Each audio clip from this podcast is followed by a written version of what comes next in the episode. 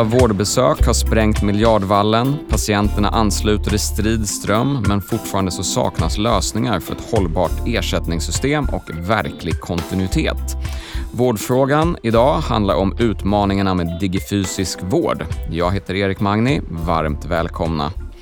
Karl-Olof Vereus, CEO. Du är läkare, chef för digital affärsutveckling och vårdappen Mitt PTJ här på Praktikertjänst.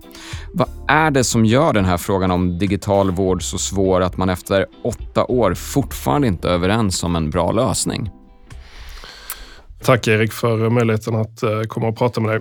Jag skulle säga att det är en genomgripande omdaning av hur eh, primärvården utförs. Alltså hur, när och var vi pratar med patienter. Framförallt i den här första kontakten, i första ledet.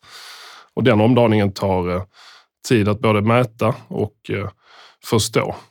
Våra patienter och vårdprofessionen, alltså sjuksköterskor och läkare, börjar hitta rätt i detta. Och vi jobbar ju utifrån förutsättningar som våra beställare, regionerna, stipulerar hur ska primärvårdsuppdraget utföras. Och där har vi respekt för att det tar också tid. Eh, förstå, kartlägga, skapa incitament. Eh, vad får man betalt för att göra? Är det en chatt eller ett videobesök eller är det någonting annat? Du har ju själv jobbat med digital vård, digifysisk vård i, i princip hela ditt vuxna liv har, har jag förstått. Under de här eh, åren, är det någonting som du har liksom reagerat på, förvånat dig, fått dig att tappa hakan? Jag kommer ju själv från eh, vårdcentralsmiljön och jag kunde där kanske inte tappa hakan, men, förvånas och besväras lite grann över hur, hur svårt det var att träffa rätt patient eh, vid rätt tillfälle och kunna ge den hjälpen som behövdes till, med rätt förutsättningar till, till patienten utifrån det faktiska behovet. Men jag skulle vilja säga att jag har blivit positivt förvånad vid flera tillfällen. Att samtalsstöd, till exempel kurator eller psykolog, under de perioderna när vi i samhället inte har kunnat träffas fysiskt, så har man i princip kunnat träffa alla patienter eh, över video. Och ett sådant möte kan bli mer effektivt, det kan bli mer öppet, det kan gå mer på djupet än det fysiska besöket. Patienten kan lättare komma till videobesöket. Det finns ingen tröskel att man ska ta sig ut från hemmet eh, för att träffa sin psykolog. Så väldigt positivt överraskad. Eh, tappat hakan? Ja, men, men jag tror många med mig hade trott att regelverket skulle hänga med fortare.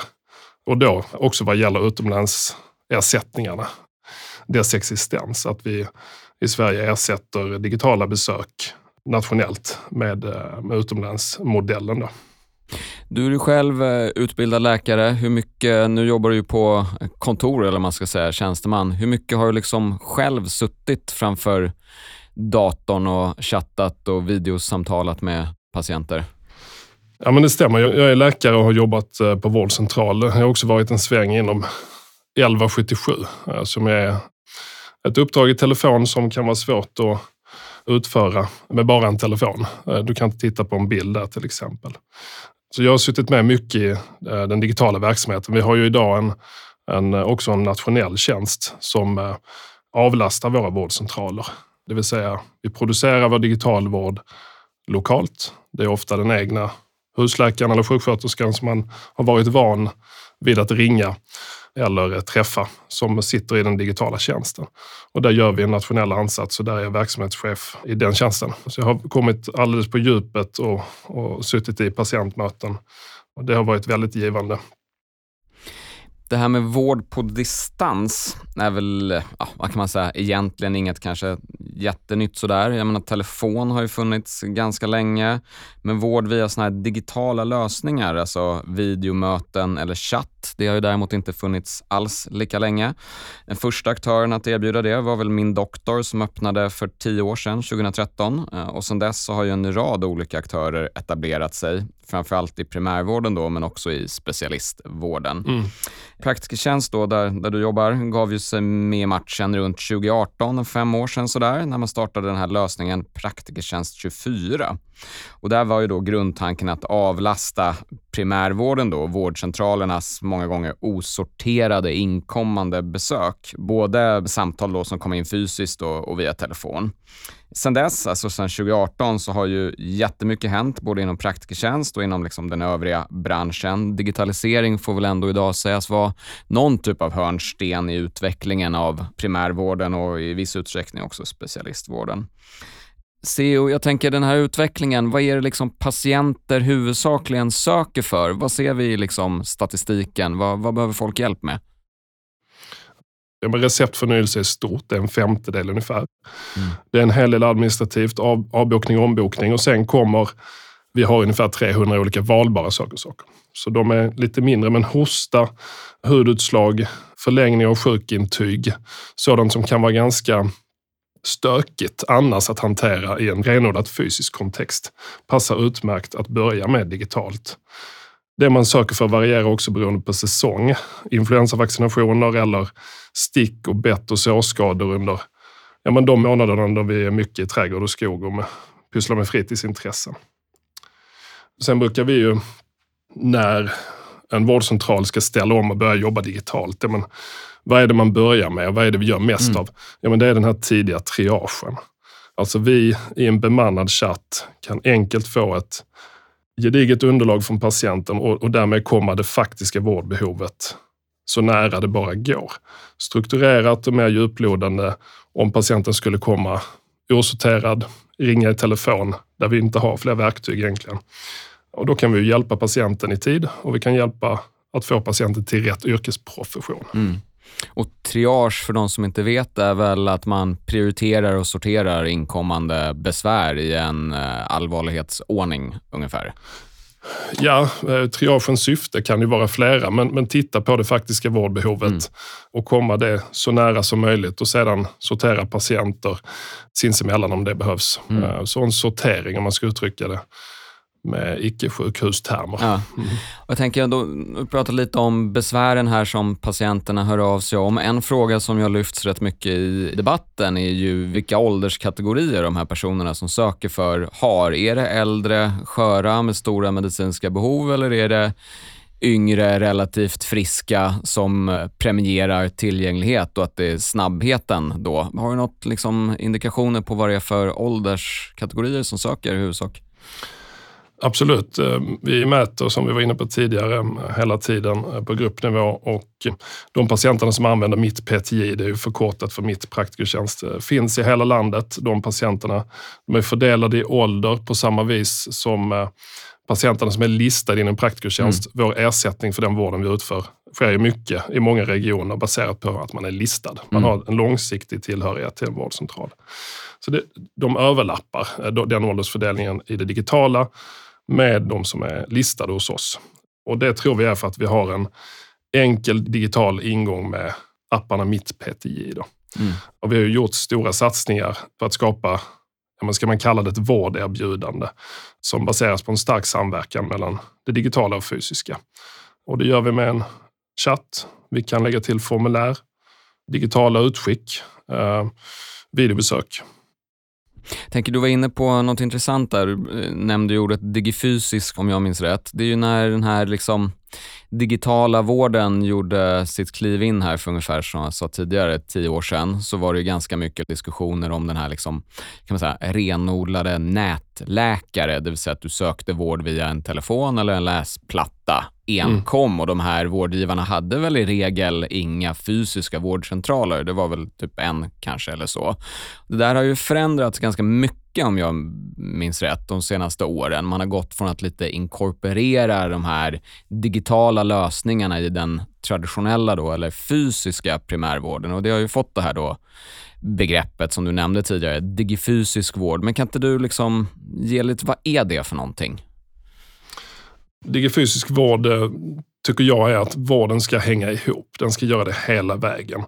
Det börjar med att patienten ska kunna söka på ett tryggt sätt enkelt i början och få hjälp med sitt faktiska behov så tidigt som möjligt. Och sen ska informationen hänga ihop. Patienten ska kunna ha en förväntan som stämmer med vad som kan levereras och egentligen inte behöva själv undersöka eller som vi ibland har erfarenhet i hälso och sjukvården, ligga på eller ta hjälp på sidospår för att mm. faktiskt få det som man behöver.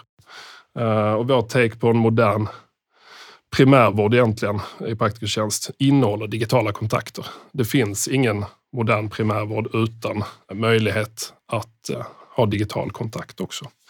Och det är också den vägen vi går nationellt. Om du tittar på utvecklingen av 1177 och de e-tjänster som nyttjas väldigt flitigt eh, så går det också åt det hållet.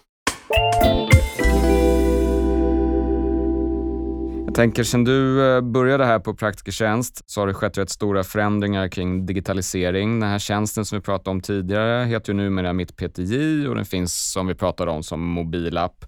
Dessutom så har ju den här milstolpen passerats här. En miljon hanterade ärenden för drygt mm, ja, ett, två år sedan är det väl nu och snart har jag förstått på dig, som du sa innan, att vi är uppe och nosar på två miljoner. Patienterna är nöjda. 95 procent skulle rekommendera den här appen med PTI till andra. 95 procent ändå, det är en hög nöjdhet. Väldigt hög nöjdhet. Vad har du liksom för indikationer på varför är patienter nöjda med den här lösningen? Ja, men i och med det digitala formatet så kan vi också mäta. Det vill säga vi ställer efter ett avslutat ärende, som det kallas, frågor till alla patienter. Tyckte du att du fick tillräcklig information? Var det lätt att komma i kontakt? Hur genomsnittligen nöjd, tummar upp eller ner, är du med besöket? Och där ser siffrorna väldigt fina ut och de gör mm. egentligen det på alla våra vårdmottagningar. Så vi tror att vi har hittat någonting kring den här tillgängligheten. Det är inte så att ett, ett, eh, ett läkarbesök ska vara ett knapptryck bort eh, och vips så sitter du där och hostar eh, framför paddan eller, eller telefonen. Det är absolut inte det.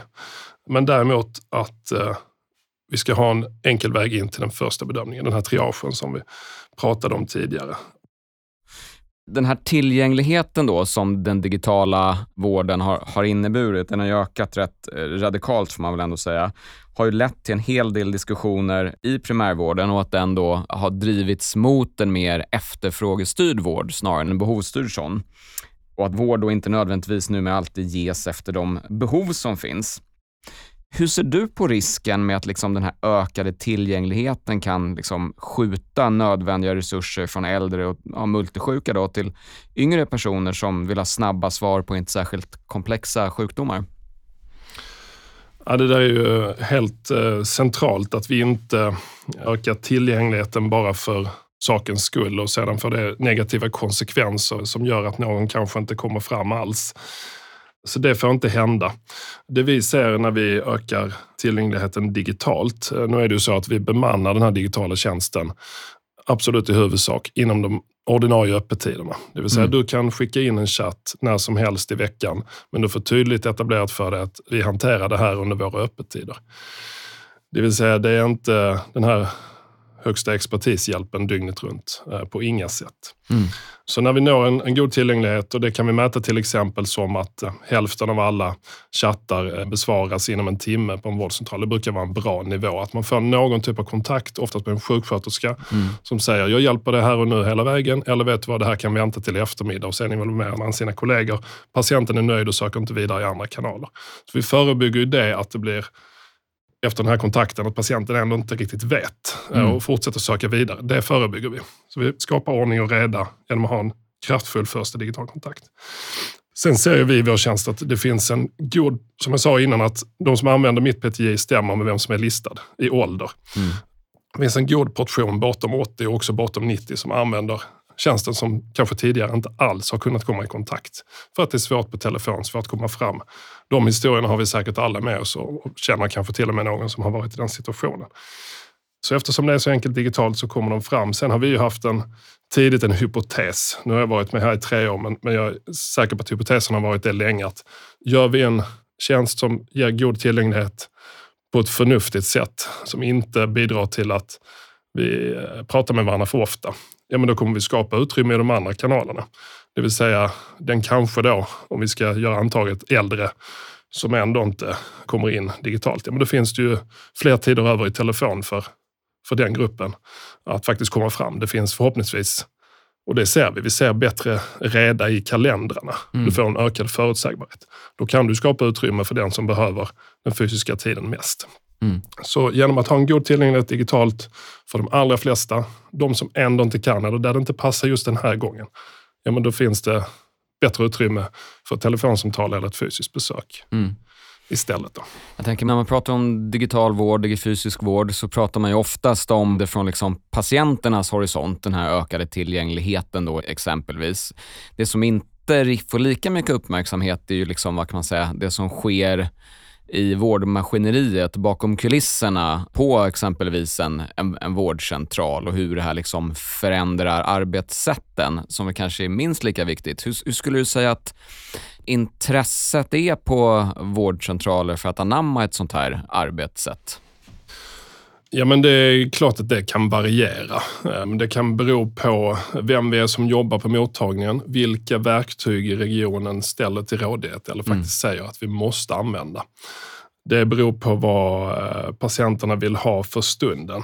Men om man backar ett steg och tittar på hela, alla våra 90 vårdcentraler, ja men då är ju intresset stort för att ha en kraftfull digital verktygslåda. Och i många fall så slår ju den alternativen på fingrarna. Mm ganska lätt. Alltså vår chatt och våra möjligheter att skicka foto och digitala utskick istället för att skicka ett brev. De är så goda och har utvecklats så långt och där har vi lagt stora resurser och många timmar för att finjustera dem. Att, eh, att man gärna vill jobba med det.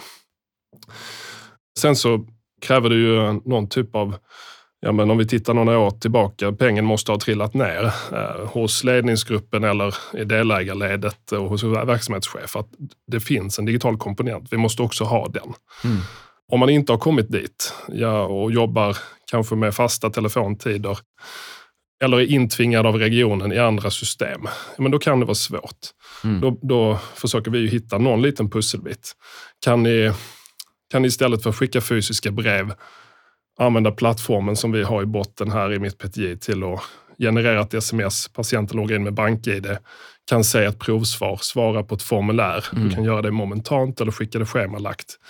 Det kan flytta på väldigt mycket i patientupplevelsen. Du kan spara importokostnader och ledtider. Mm. Jag vet inte när du skickat fysiskt brev senast, men det händer att det inte kommer fram. Mm. här kan, här kan man få en helt annan träffsäkerhet mm. Eh, i, eh, i kontaktledet. Då. Så hitta någon någonting som flyttade mycket för alla mottagningar. Men på det stora hela så är det ju en verktygslåda som har blivit väldigt kraftfulla.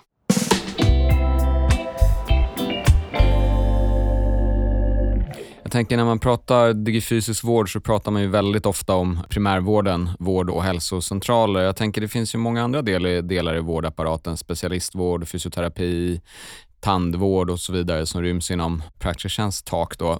Hur fungerar en sån här lösning om vi tar tandvård som exempel? Hur skulle den kunna liksom implementeras där?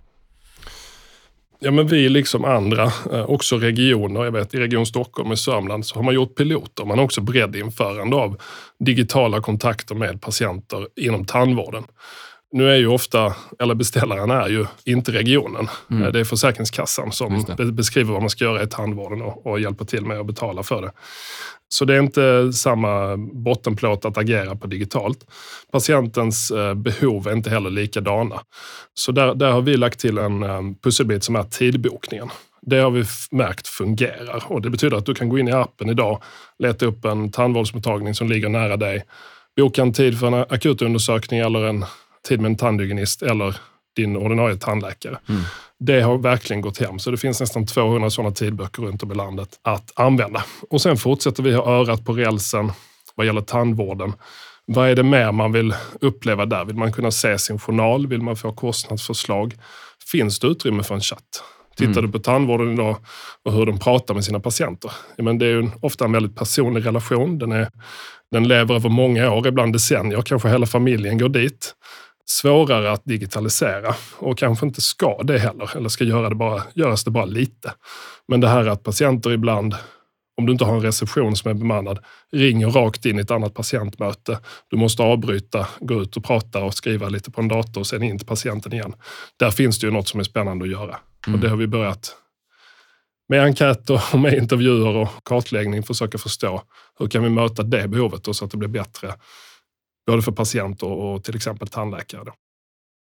De här digitala lösningarna då, CO har ju alltså inneburit både en ökad tillgänglighet för patienterna men också då förändrade arbetssätt för, för medarbetare inom då kanske framförallt primärvården så här långt.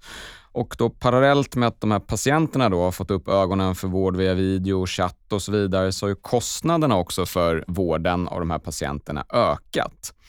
Under 2019 2019 så låg kostnaderna för digitala besök hos digitala vårdgivare på strax över en halv miljard kronor.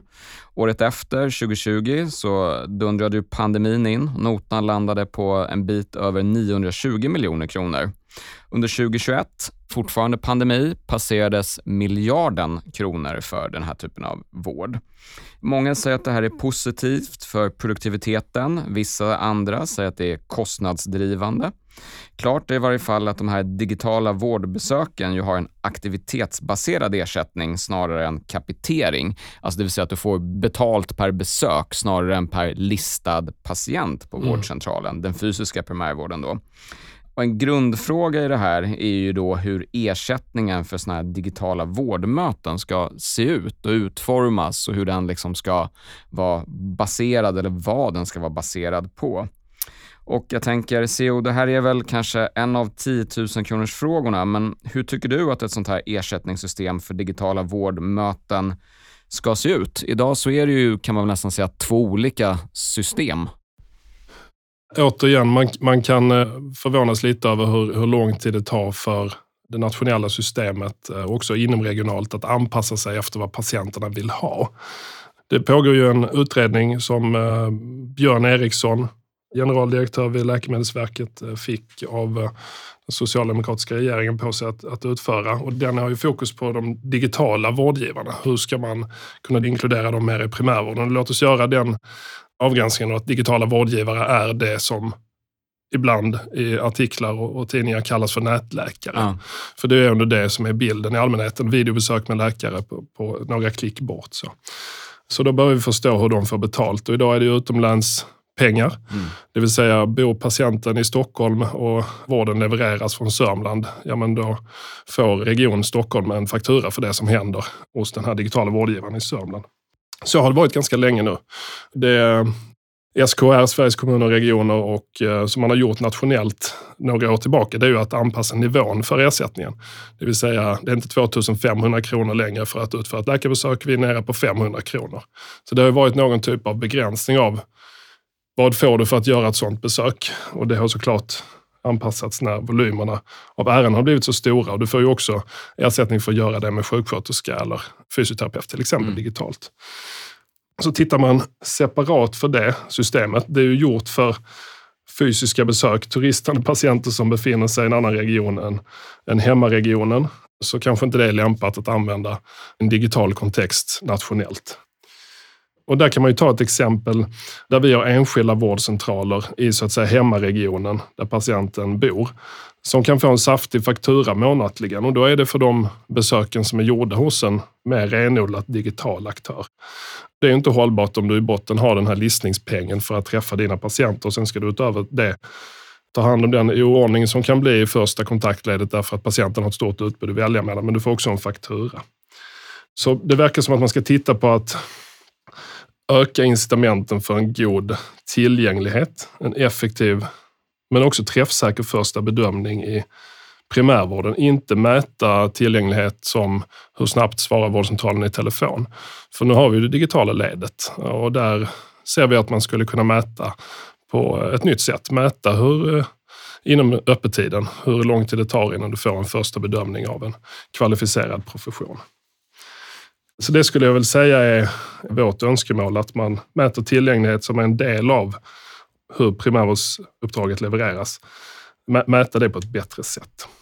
Mm, för många regioner håller fortfarande fast vid just telefonen som det man mäter, eller hur? Och det är det som man titta på. Precis, och telefonen är ett linjärt eh, uppdrag. Du vet inte vad som står på 20 plats i kön. Det kan vara bröstsmärtan och så har du nageltrånget i telefonen just nu. Mm. I det digitala kan du eh, sortera och prioritera och göra det tidigt på ett helt annat sätt. Och om eh, den digitala kontakten är en mycket större del av vår vardag. Vi ser idag när vi tittar på mängden kontakter, men alla listade patienter besöker egentligen mitt PT en gång om året. Mm. Det har blivit ganska vanligt och då, måste, då är det också där vi måste mäta på hur väl vi lever upp till vårt eh, uppdrag. Men jag tänker vissa, mm, bara liksom för att landa i det här med ersättningssystemet, vissa har ju egentligen bara fört fram att varför slopar man inte bara den här så kallade utomlänstaxan då? eller sätter den till noll så att de här så kallade då nätläkarna som vi pratade om att de inte får betalt egentligen för, för att ta emot den här typen av patienter? Nej, men det är såklart en, en tanke man kan ha och mm, någonstans så finns det ju sannolikt ett övernyttjande av digitala tjänster när det är så tillgängligt. Kan du få högsta expertis, som vi pratade om tidigare, på video när som helst, då kan det vara lite förlockande att göra det. Men det måste också, tror jag, finnas någon typ av behov, i alla fall en ganska stor del av de här kontakterna. Vi vet ju att det ringer till 1177 6 miljoner gånger om året. Mm. Det är ju ett uppdrag som är svårt att utföra. Du har patienten i telefon. Du kan inte bedöma ett hudutslag eller ett allmänpåverkat barn där. Du kan göra det bättre i en digital kontakt. Mm. Så det finns ju ett underliggande behov nationellt i Sverige. Stockholmsregionen är lite mer extremt för här bor vi mycket närmare varandra. Mm. Utbudet är komplext, det är stort. Så jag är inte helt på linjen att det finns inget vårdbehov, ingen av de här kontakterna. Därför kan vi göra det till noll. Då är det ju patienten som får ibland ta smällen istället, mm. för då kommer du inte fram överhuvudtaget. Så någon, någon typ av gradvis övergång till en digifysisk vård där man betalar utförarna på ett förnuftigt sätt för att träffa patienterna digitalt i de fallen där det är bäst. Det tror jag på. Borde regionerna bli bättre på att ställa krav på alla som säga, fysiska vårdgivare som driver vårdcentral, att man också måste ha en liksom, kompletterande digital lösning?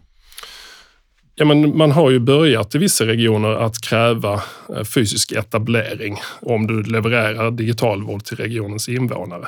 Det har ju börjat hända. Det har också börjat hända att på andra hållet vårdcentraler som som inte själva kanske är tillgängliga digitalt, ja men de får betala inom regionen till en annan vårdcentral som träffar dina patienter.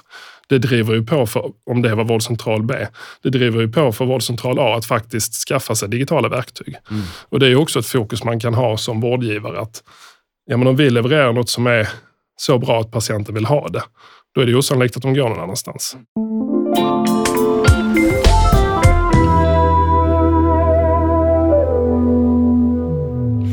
Jag tror att vi alla är överens om att den här digitala vårdmöten, eller digitala vårdgivare eller digifysisk vård, är i alla fall någonting som kommer att finnas kvar. Vi kommer att eh, ha den här ökade tillgängligheten. Sen hur den kommer att utvecklas är väl också en ganska intressant fråga. Det är fortsatt omdebatterat. Men CO, jag tänker det här utvecklingen på det här eh, området har gått otroligt fort. Den första nätläkaren, om man ska säga det, etablerade sig 2013. Nu är det bara tio år senare. Hela liksom kartan för primärvården har ju ritats om, får man väl säga. Vad, om ytterligare tio år, då, eh, 2033, vad står vi då? Om du ska liksom sia lite, spå framtiden. Det kommer sannolikt, tror jag, gå snabbare än vad det har gjort hittills. Nu sitter arbetssätten på ett annat vis. Vi har hunnit jobba oss varma i verktygslådorna med chatt och foto och videoutskick. Och jag, jag tror om tio år kommer det vara helt självklart. Mm. Förhoppningsvis har vi hittat rätt i, i avtalen. Det finns goda förutsättningar att ge en tidigt träffsäker bedömning. Vi vill helst bemanna den linan eller se till att patienten får hjälp tidigt där. Snarare än att vi kanske idag måste vara duktiga på, i flera olika kanaler, så som avtalen ser ut. Vi märker ju när, kanske inte nyutexaminerad, men ganska ung yrkesprofession söker sig till praktikertjänst, så dyker det här upp oftare. Att finns det en digital verktygslåda? Hur ser den ut? Hur jobbar mm. den digitalt?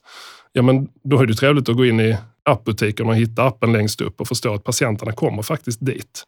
Och vissa som kommer nya in i praktikertjänst har jobbat i digitala verktyg på andra ställen. Så det här mm. digitala kommer vara alldeles självklart.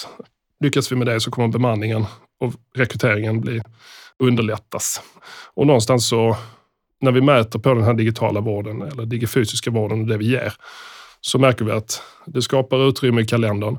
Patientsäkerheten ökar. Vi får en förutsägbarhet och vi samverkar mer med våra kollegor. Det är ju därför vi sökte oss till vården, många mm. av oss, för att jobba med patienter. Att kunna hjälpa dem på ett försvarbart sätt och inte behöva prioritera bort det som faktiskt kanske skulle, man kanske skulle träffa i alla fall. Mm. Så att vi kommer närmare kärnan i vårt yrkesprofession. Jag tänker om det är nu så som du spår här att uh, utvecklingen de kommande tio åren kommer till och med att gå ännu fortare än de här tio åren som vi nu har lagt bakom oss. Då krävs det ju att fler då börjar jobba mer digitalt. Jag tänker om du avslutningsvis här till sist ska ge två, kanske tre råd till en verksamhet. kan vara primärvård, kan vara specialistvård, tandvård, rehab. Tre, ja men några råd vad, om man vill börja jobba mer digitalt. Vad är det? Oh, tre råd alltså. Ja, ja men om, om, om, vi kan väl titta på det som uh, fungerar ute på vårdcentralen när man ska ställa om. Det är att prata om hur ni har det. Låt inte det passera utan samarbeta med varandra. Sätt ord på det, prata om hur ni har det i den kliniska vardagen. Om telefonen inte fungerar, det ringer för mycket eller det är svårt att bemanna den eller det blir för monotont och det kanske inte gör mest nytta heller. Prata om det. Titta i kalendern och hjälps åt att titta i avtalet. I Praktiktjänst så kan man ju ta hjälp av kontoret och alla stödfunktioner som finns hos oss. Så att man får koll på läget. Vad är det för förutsättningar vi har? Hur har vi det? Och framförallt prata om det. Det skulle jag säga är en viktig punkt. Och sen så hjälps vi åt inom Praktiktjänst också med det som är omvärldsbevakning. Vad händer runt omkring oss? Nätläkarna, ja men då kan vi ha en bild av att det är läkare på video. Det är ju mer än så. Mm. Våra patienter går dit, de har ett behov. Hur kan vi tillgodose det på, på ett försvarbart sätt? Inte hela, men delar av det så att vi får behålla våra patienter och kan göra jobbet som vi, vi tycker att vi gör bra. Om du har förtroendet och har ansvar som verksamhetschef eller enhetschef, ledning, ja men kliv fram och lyssna och lägg örat mot rälsen. Vad är det som händer inne på mottagningen? Hur söker patienterna till oss? Vilket är vårdutbudet i vårt närområde? Vilka digitala andra lösningar söker man? Hur ser det fysiska utbudet ut? Så vi behöver ja, men, prata om hur ni har det och, och vad händer runt omkring oss. Vi måste lyssna och intressera oss väldigt mycket för, för vad vi faktiskt står med. Och du ville ha tre punkter va? Ja, men jag kan slänga med att vi, vi har ju en verktygslåda idag som som är effektiv. Vi har en chatt, foto, video, vi kan samarbeta, vi kan göra digitala utskick. Och då blir väl det att använd den och använd den till allt som det går. Eh, såklart med riskanalys och att man skriver rutiner innan och justerar dem efteråt. Men använd den till allt det går och plocka hem de här lågt hängande frukterna så snabbt det går. Vänta inte in avtalssidan. Även om vi kan få tro att det går lite snabbare kommande tio år så är det ju inte därifrån innovationen, eh, inte i typfallet i alla fall, kommer. Vänta inte in utan våga testa. Och med de tre råden så är vårdfrågan idag slut. Eh, tack så mycket CEO för att du kom hit. Tack för råd och guidning kring hur man ska tänka kring digitala lösningar, digitala vårdmöten. Glöm inte att prenumerera på Vårdfrågan så missar du inget av de här kommande avsnitten som vi kommer att släppa här under vintern och sen våren. Tack så mycket CEO. Tack själv Erik, trevligt att träffa dig.